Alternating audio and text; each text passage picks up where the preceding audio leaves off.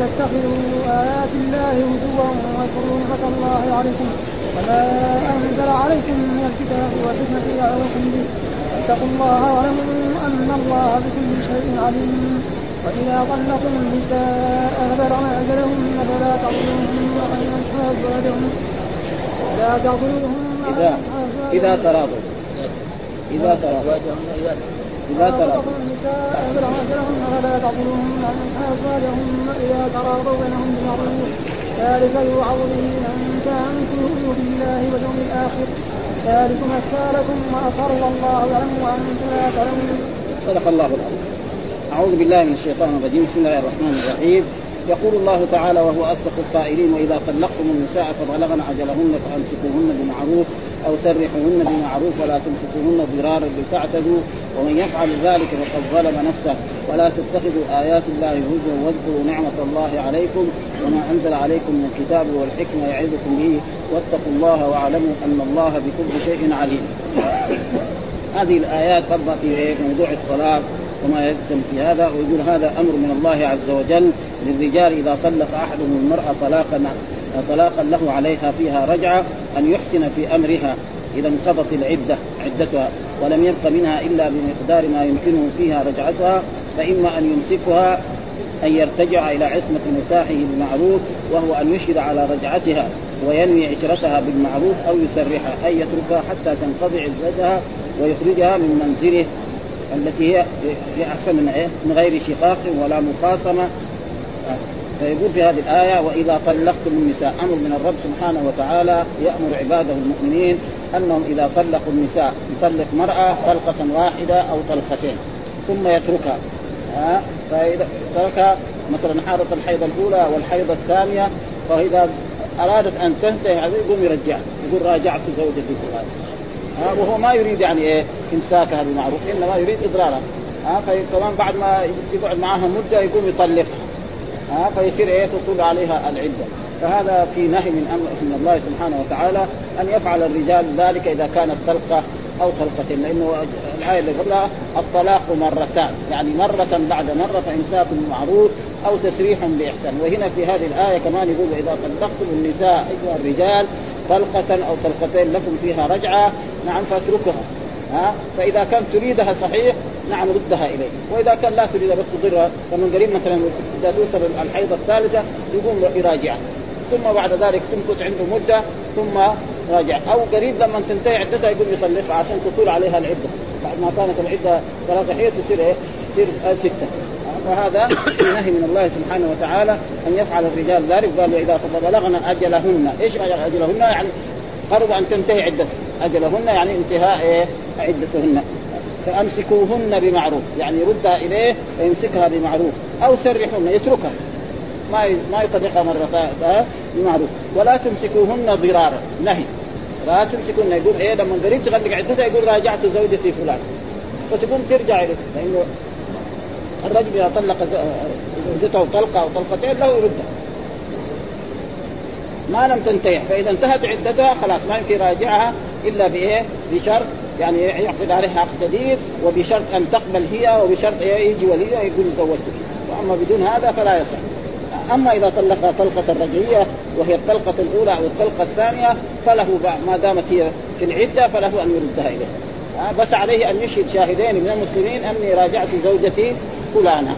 ها؟ هذا هو الواجب. وأما إذا طلقها ثلاثا هذا فلا ترجع كما في الآيات التي تقدمت لنا الطلاق مرتان فإمساك معروف أو تسريح بإحسان ولا يحلف أن تأخذوا من اتيتمون شيء إلا أن يخاف الا يقيم حدود الله فإن سفتم الا يقيم حدود الله فلا جناح عليهما فيما به تلك حدود الله فلا تعتدوها ومن يتعد حدود الله فأولئك فإن طلقها يعني طلقها الثالث ولا تحل حتى تنكح زوجا غيره.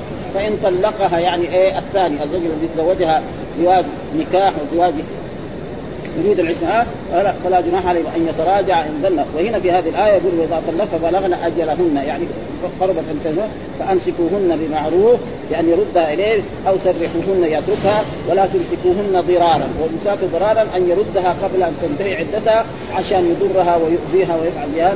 وفي نهي من رسول الله صلى الله عليه وسلم وقال ابن عباس في هذه الآية برضو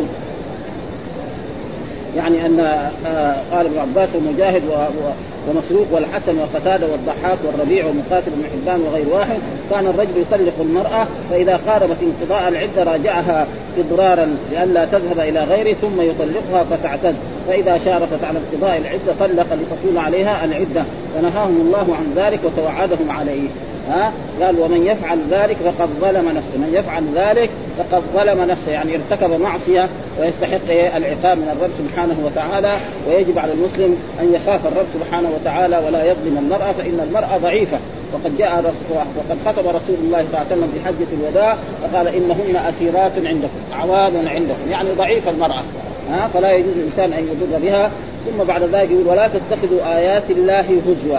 لا تتخذوا آيات الله هزوا. وفي هذه جاء يعني يقول أن الله أنزل هذه الآية في الأشعريين يعني قبيلة أبي موسى الأشعري. وكانت قبيلة أبي موسى الأشعري الرجل يطلق الزوجة ثم إذا قربت تنتهي عدتها يقوم يردها إليه. فعلم ذلك رسول الله صلى الله عليه وسلم. فنادى أبو موسى الأشعري وغضب عليه وعلى قومه. فناداهم فقال لهم يعني بهذا فأتاه أبو موسى فقال يا رسول الله اغضبت على الأشعريين؟ فقال, فقال يقول أحدكم قد طلقت قد راجعت ليس هذا طلاق المسلمين. طلق المرأة في قبل عدتها. يعني الرجل لا يبغى يطلق المرأة في قبل قبل عدتها؟ لما تحيض وتطهر. مثل ما قال الله تعالى في سورة الطلاق يعني النساء الصغرى يقول في النساء الكبرى وهي سورة النساء والنساء الصغرى هي سورة الطلاق. ها؟ يا أيها النبي إذا طلقتم النساء فطلقوهن لعدتهن. يعني في قبل عد يعني بعد ما الرجل يطلق زوجته ينتظر حتى تحيض وتطهر. فإذا طهرت ما يبغى يقول لها أنت طاهر. يقول يصير تستقبل العده يصير عدة. وهذا على قول من قال من العلماء أن إيه؟ أن الأقراء هي الأطهار. دغري إيه؟ تمسك. فإذا حاضت ثم كمان طهرت صار إيه؟ القرآن الثاني. ثم بعد ذلك الثالثة تنتهي أما آه، الطلاق الحرام والطلاق البدعي هو أن يطلقها في إن أصابها. بعد ما تصل يكون جامعة ثم يطلقها. فهذا طلاق إيه؟ حرام وطلاق بدعي. أو يطلقها وهي حائض. وقد اتفق العلماء جميعا على أن الطلاق بعدما يتصل بها ويطلقها طلاق بدعي ولكن يقع. وكذلك إذا كانت حائض وطلقها كذلك طلاق يقع. ولكن بعض من العلماء يقول لا. ها؟ وعلى كل حال جمهور العلماء على أن هذا الطلاق يقع ولذلك الرسول يعني تأثر من إيه؟ من أبي موسى الأشعري وقال له هذا الكلام آه غضبت على الأشعريين يقول أحدكم قد طلقت قد راجعت ليس هذا طلاق المسلمين فطلق المرأة في قبل عدتها ثم قال ولا تتخذوا آيات الله هزوا، إيش معنى تتخذوا؟ طلق الرجل امرأته وهو يلعب يريد الطلاق، لا تتخذ واحد مثلا يقول أنا زوجتي مزح معي يقول أنت طالق وجاء في أحاديث كثيرة عن رسول الله صلى الله عليه وسلم ثلاث جدهن جد وهزلهن جد وهو الطلاق والنكاح والعتق. عنده عبد يقول له أعتقد بعدين يقول لا أنا أمزح أضحك معك؟ ما في كلام يا ها واحد يقول لي واحد يقول له زوجتك بنتي. بعدين يقول لا أنا بمزح معك. ها؟ فثلاث جدهن جد وهزلهن فلا يجوز الإنسان يعني في هذا يلعب أو يتغاب ولذلك نهى ولا تتخذوا آيات الله ومن اتخاذ آيات الله هزوا أن يقول لزوجته أنت طارق ثم يقول أنا ألعب. ها؟ أنا أضحك معاك أنا أمزح معاك هذا كلام هذا. أو يقول لعبدي انت أنت حر لوجه الله. أو يقول لي آخر قل زوجتك بنتي أو أختي فلانة. ثم بعد ذلك هذا معناه ولا تتخذوا آيات الله هزوا. يعني إيه؟ آيات الله أحكام الله سبحانه الذي جاءت في القرآن هزوا. ثم يقول بعد ذلك واذكروا نعمة الله عليكم. واذكروا نعمة يعني إيش نعمة الله عليكم؟ أكبر نعمة على هذه الأمة إرسال الرسول محمد صلى الله عليه وسلم. ها؟ وزي جاء في القرآن نعم. يعرفون نعمة الله ثم ينكرونها. فنعمة الله أكبر نعمة هي إرسال هذا الرسول محمد صلى الله عليه وسلم. أي في إرساله الرسول بالهدى والبينات إليكم. هذا معناه واذكروا آه تذكروا نعمة الله في إرسال الرسول محمد بالهدى والبينات لكم. وما أنزل عليكم من الكتاب. كذلك واذكروا نعمة ما أنزل عليكم من الكتاب. والمراد بالكتاب في هذه الآية القرآن. المراد في هذا القرآن الذي فيه كل ما نحتاجه. في ديننا وفي دنيانا. والحكمة هي سنة رسول الله صلى الله عليه وسلم. الحكمة هي سنة دائما إذا رأينا الحكمة في القرآن فهذا زي ما قال هو الذي بعث في الأميين رسولا منهم يتلو عليهم آياته ويزكيهم ويعلمهم الكتاب والحكمة. ما هي الحكمة؟ هي سنة رسول الله صلى الله عليه وسلم والسنة هي التي تشرح القرآن وتبينه وتوضحه. ولا يجوز لأحد يقول لا يكفينا القرآن. ها فالسنة هي التي تشرع ولذلك الرسول حذر من هذا من قبل إيه؟ يعني 15 قرن آه، لا ألفين رجلا يجلس على أريكته فيقول ما وجدناه في كتاب الله عملنا به وما لم نجده في كتاب الله لم نعمل به فإني أوتيت القرآن ومثله معه. وقد حصل ذلك في هذه الأزمان رجال يقولوا يكفينا القرآن لأن الله يقول في القرآن ما فرطنا في الكتاب من شيء. أما السنة فيها صحيح وفيها غير صحيح ونحن لا نأخذ بالسنة فإذا فعل ذلك ضل. ها ولم يعلم شيئا من أمور دينه. لأن السنة هي التي تفسر القرآن وتوضحه وتبينه. ها وقد حصل ذلك في هذه الأزمان. الناس يقولوا هذا الكلام. ها والسنة هي التي تشرح القرآن وقد يجلس رجل على أريكته. ها دحين الاريكه كان معنى الكرسي. ها والسرير. لكن اريكته دحين يجلس على إيه؟ على يعني كرسي دواب ويكون أمامه ماصه ويكون أمامه مثلا كذلك كمان عدة تلفونات وكذلك شيشة كبيرة جدا. ويقول لا بس القرآن يكفر ما يحتاج. هذا إذا قال هذا بعد ذلك يروح في ضلال مبين لأنه هؤلاء الذين يقولوا هذا يقول له أنت تصلي الظهر أربع ركعات. فين هذا في القرآن؟ في في القرآن في في, في في القرآن العصر أربع ركعات، المغرب ثلاثة، العشاء أربعة، الفجر ركعتين، في القرآن ما في هذا، بس في وأقيموا الصلاة وآتوا الزكاة. هكذلك الزكاة قد إيه يخرج زكاة؟ ما في القرآن، زكاة الإبل، زكاة البقر، زكاة الغنم، هذا فين؟ في السنة. ولأجل ذلك نحن في حاجة إلى سنة رسول الله والسنة محفوظة موجودة في في صحيح البخاري وفي صحيح مسلم وفي أبي داود وفي الترمذي وفي النسائي وفي ابن ماجه وفي الموطا وفي غيرها من الكتب. ولأجل ذلك لا يجوز لإنسان يقول ولذلك هنا يقول واذكروا نعمة الله عليكم وما أنزل عليكم من الكتاب والحكمة يعظكم به، إيش معنى يعظكم به؟ يأمركم وينهاكم، فإن الكتاب فيه أوامر ها وفيه نواهي. وفيه كذلك في زواجر وفيه وعد وفيه وعيد. وكذلك السنة فيها وعد وفيها وعيد. فلأجل ذلك هذا معناه يأمركم وينهاكم ويتوعدكم على ارتكاب المحارم. فالذي يرتكب شيء من المحارم جاء ثلاثة لا يكلمهم الله ولا ينظر إليهم قامت ولا يزكيهم ولهم عذاب أليم وشيء زان وعائل مستكبر ورجل جعل الله بضاعته لا يشتري إلا بيمينه ولا يبيع إلا هذا من الوعيد. وغير ذلك من الآيات يا الذين آمنوا إنما الخمر والميسر والأنصاب والازلام رجس من عمل الشيطان فاجتنبوه لعلكم تفلحون. إنما يريد الشيطان أن يوقع بينكم العداوة والبغضاء في الخمر والميسر ويصدكم عن ذكر الله وعن الصلاة فهل أنتم منكرون؟ ها فاذا هذه الآية يأمر الله عباده المؤمنين أن الرجل إذا طلق زوجته طلاقا رجعيا نعم يتركها. فإن ما له حاجة بها يتركها حتى تنتهي عدته ثم بعد ذلك هو في هذه الأيام نعم يصرف عليها. ولا يخرجها من بيتها. السنة كده. لكن المرأة في غالب الاسمان إذا طلق زوجها ما تقدر. تزعل منه وتروح وإن الحكم الاشهار إذا طلقتم النساء فطلقوهن لعدتهن وأحصوا العدة واتقوا لا تخرجوهن من بيوتهن. ولا يخرجن إلا أن يأتين بفاحشة مبين. وتلك يعني فاحشة مبينة تكون إيه؟ تتعدى عليه تسبه وتشتمه أو تسب أمه. ها؟ أو تسب أخته أو تسب أبوه. هذا هذه بعدين تترك وأما إذا كانت جالسة هو يجي في البيت يجيب لها المقادر تطبخ وتقدم له غدا وتقدم له العشاء لا يجلس معه حتى فاذا انتهت عدتها تتفضل تروح إيه إلى بيت ابيها هذا إيه؟ فهذا هو إيه؟ فيقول هنا إذا طلقت النساء إذا طلق بلغن أجلهن يعني إيش الأجل؟ يعني إيه عدتهن ثلاثة إيه؟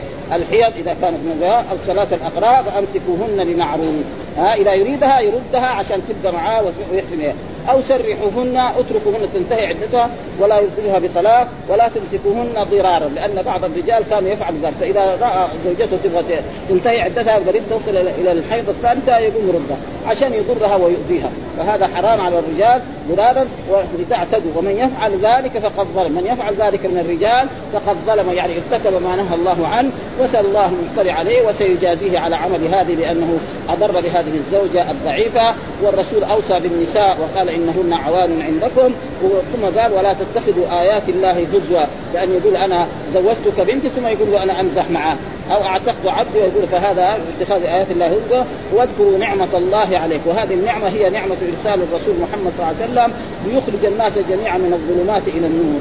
وقد أخرج جميع الناس من الظلمات إلى النور وهداهم إلى سبيل الرشاد وعلمهم كل ما ينفعهم في دينهم ودنياهم حتى أن رجلا قال نبيكم علمكم كل شيء قالوا نبينا علمنا حتى القراءة.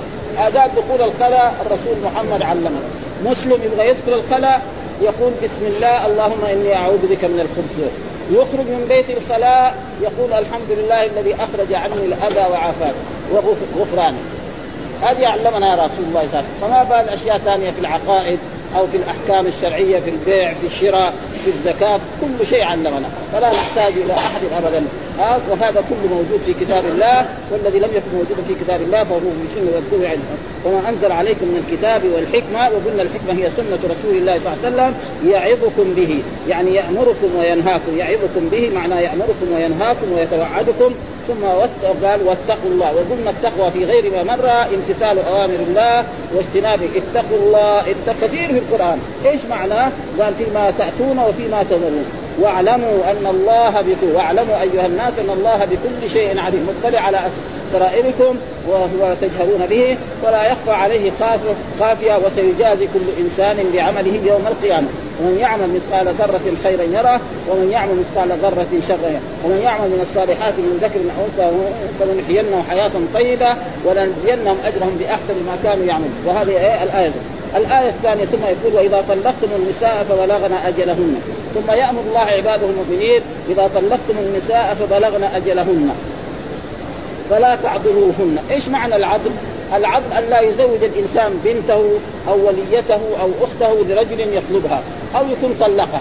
وهذه الآية ذكر المفسرون أنها نزلت في معقل بن يسار الأنصاري. معقل بن يسار من أصحاب رسول الله صلى الله عليه وسلم زوج أخته لرجل من؟ من الأنصار. وبعد ما عاشت معه بعد الزمن طلقها. فذهبت إلى بيت أخيها وجلست ولما انتهت عدتها وجاء الخطاب يخطبوها جاء هو كمان يخطب. فقال له اخو أخوها قال له لا أنا زوجتك هي اولا. ها؟ وأكرمتك بها و... ها؟ ثم طلقتك. كمان تيجي دحين تخطبها والله لا أزوجك ابدا. يا وقال له يا لكع ابن لكع أنت. الخربان يعني زي ما تقول لك العام ها؟ ها؟ أنا زوجتك هي أول مرة يعني. وأحسنت إليك وبعدين تطلق دحين تيجي تخطبها؟ لا أزوجك. وهي تحبه وهو يحبها. فأنزل الله هذه الآية. ها إذا طلقت فلا تعضلوهن. إيش معنى العضل؟ منعها من النكاح. وهذا الآن في عصرنا هذا يعني وقع. كثير من الرجال الآن خصوصا في هذا العصر صار بعض آه، آه، مثلا البنت صارت مدرسة أو صارت موظفة. نعم تحصل مبالغ من 5000 ريال 6000 8 ريال. فيجي يخطبها الرجال يقول ما يزوج عشان هو إيه؟ يستولي عن الخمسة آلاف ريال أو الأربعة آلاف أو الثلاثة آلاف فهذا ما يصح أبدا. وهذا الرجل يعني فأنزل الله تعالى في هذه الآية فقال سمع لأمر ربي وقام زوجها لزوجها الأول هذا وعادت إليه وكفر عن يمين لأنه قال والله ها قال والله لا ازوج وهذا معناه إذا طلقتم النساء وإذا بلغن أجلهن أيها المؤمنون إذا طلقوا فبلغن أجلهن يعني انتهت عدتهن. خلاص انتهت عدته. بعد ما انتهت عدته. أما لو ما انتهت العدة يرد رسول ها؟ ها؟ فلا تعذروهن. إيش العذر؟ معناه منعها من إيه؟ من الزوج. ها؟ الرجل لا الا جاء خطبها يقول نعم فلا أن ينكحن أزواجهن. أن ينكحن إيه؟ إذا تراضوا. وهذا الرجل بعد ما طلق زوجته طلقة أو طلقتين ثم انتهت جاء يخطبها فلما جاء يخطبها قال له أخوها وهو معقل بن يسار أنا لا أزوجك والله لا أزوجك لأني أنا زوجتك إياها وقد جلست عندك مدة ثم طلقتها ثم تيجي الآن فأنا لا أزوجك. فأنزل الله تعالى هذه الآية فلما أنزل الله قال سمعا لربي وطاعة وكفر عن يمينه وزوجها وعاد زواجه وهذا فيه دليل على أن المرأة لا تزوج نفسها. على أن المرأة لا تزوج نفسها ابدا. فلا تعذروهن معنى لا تمنعون من الأزواج. وهذا فيه دليل على أن المرأة لا تزوج نفسها. يعني واحد يروح يشوف مرأة يقول لها هذا ويقول لها تقول, هي تزوجتك نفسي هذا ما يصح لازم إيه؟ لازم ولي. وهذا الولي مين يكون؟ يكون أحد العصبة إما أبوها أو أخوها أو عمها أو ابنها. الاخ ذوي الأرحام ما يزوج ها خالها ما يزوجها. ها جدها من الام ما يزوجها. فهذا هو الذي يزوجها يقول له زوجتك بنتي فلان أو أختي فلانة أو موليتي فلان أو يكون له وكالة. ها ما في يروح للقاضي هو الذي يزوجها.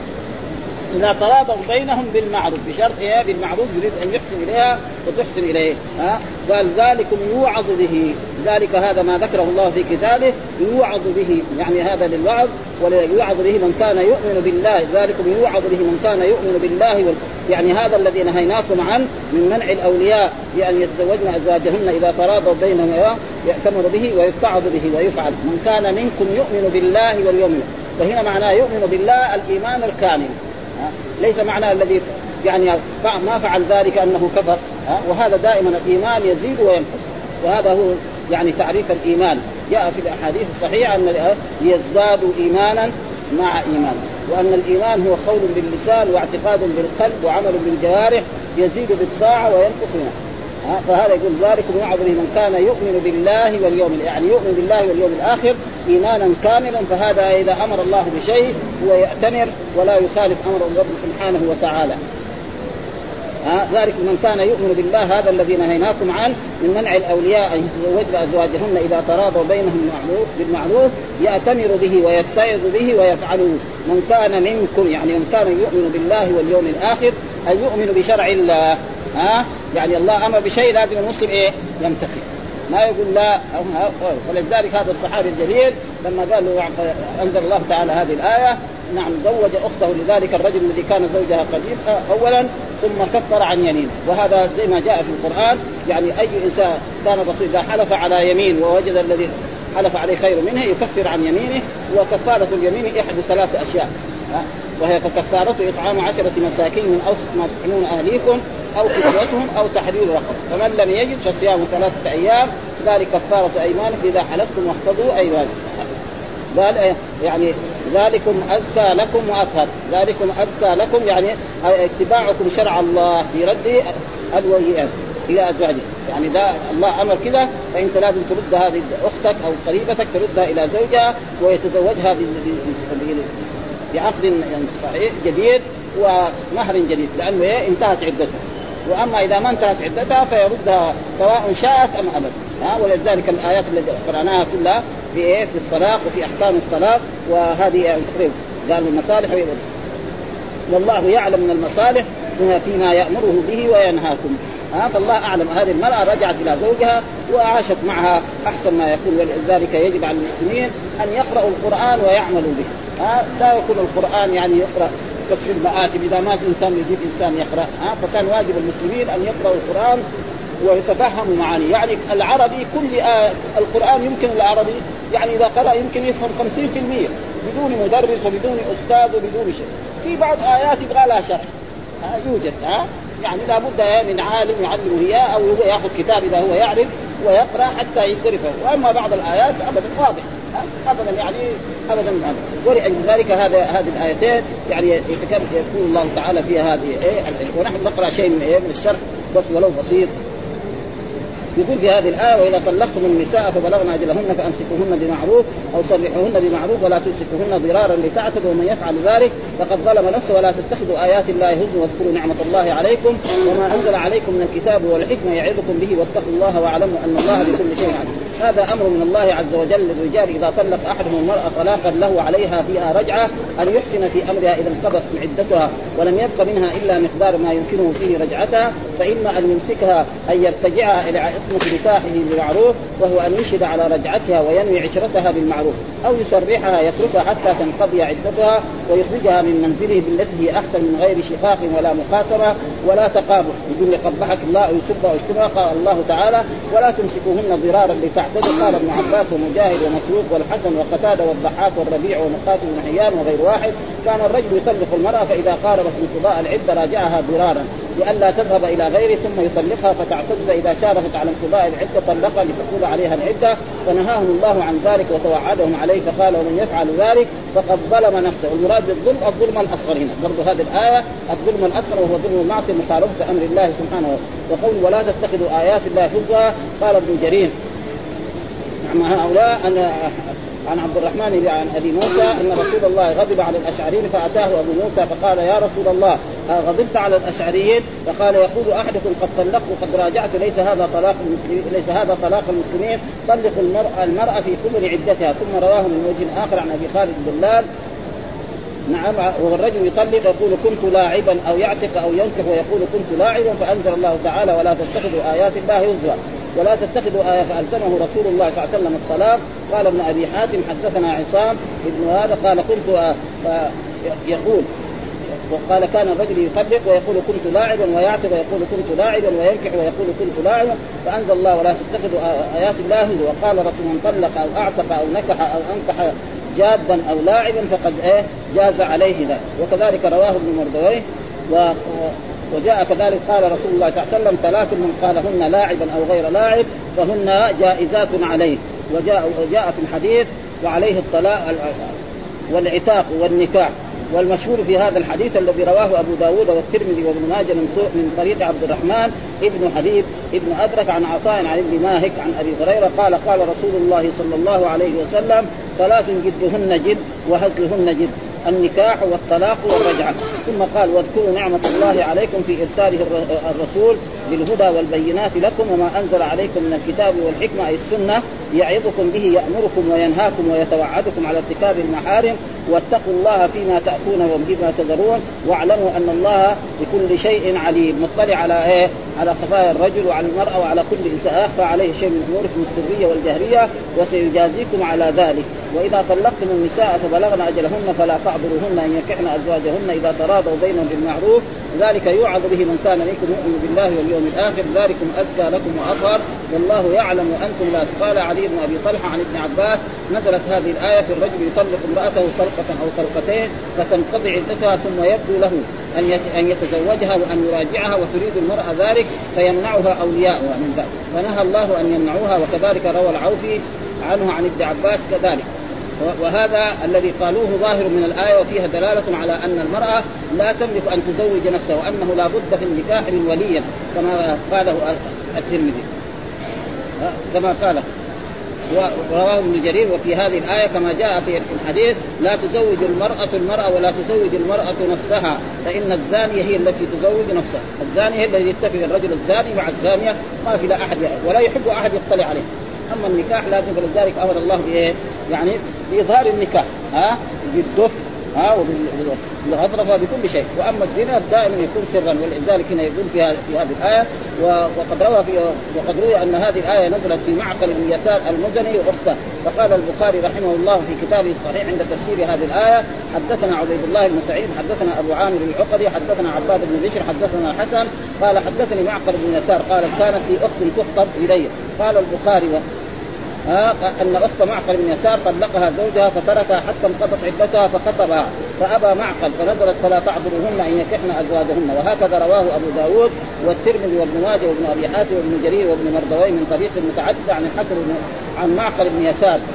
وصححه الترمذي أيضا ولفظ عن معقل بن يسار أنه زوج أخته رجلا من المسلمين على عهد رسول الله صلى الله عليه وسلم فكانت عنده ما كانت ثم طلقها تطليقة لم يراجعها حتى انقضت عدتها. فهويها وهويته يعني أحبها وحبته تريده ثم خطبها مع الخطاب فقال له يا لكع ابن لكع أكرمتك بها زوجتكها فطلقتها والله لا ترجع إليك أبدا. ها آخر ما عليك. ها فعلم الله حاجته إليها وحاجتها إلى بعدها فأنزل الله تعالى وإذا طلقتم النساء فبلغن أجلهن إلى قوله وأنتم لا تعلمون. فلما سمع معقل ها ها لما قال سمع لربي وطاعة ثم دعاه فقال أزوجك واكرمك ساب ابن مردوي وكفرت عن يميني. ها لأنه هو قال أول حلف ما يكفره فلازم إيه؟ يكفر عن يمينه. ورواه ابن جرير عن ابن جرير وهي جميل بنت يسار كانت تحت أبي البداح وقال سفيان الثوري عن أبي إسحاق السبيعي قال هي فاطمة بنت يسار. وهكذا ذكر غير واحد من السلف أن هذه الآية نزلت في معقل بن يسار وأخته. وقالت آه، آه، السدي نزلت في جابر بن عبد الله وابنة عمي والصحيح الأول. ذلك يوعظ به من كان يؤمن بالله واليوم الآخر. هذا الذي نهيناكم عنه من منع الأولياء أن يزوجوا أزواجهن. إذا تراضوا بينهم بالمعروف يؤتمر به ويتعظ ويفعل به. من كان منكم أيها الناس يؤمن بالله واليوم يعني يؤمن بشرع الله ويخاف وعيد الله وعذابه في الدار الآخرة وما فيها من الجزاء. ذلكم أزكى لكم وأطهر. اتباعكم شرع الله في رد الموليات إلى الموليات إلى أزواجهن وترك الحميه في ذلك أزكى لكم وأطهر لقلوبكم والله يعلم المصالح فيما يأمر به وينهاه وأنتم لا تعلمون. آه لا يعلم؟ آه أي الخيرة فيما تأتون ولا فيما تذرون. والحمد لله رب العالمين وصلى الله وسلم على نبينا محمد وعلى آله وصحبه وسلم.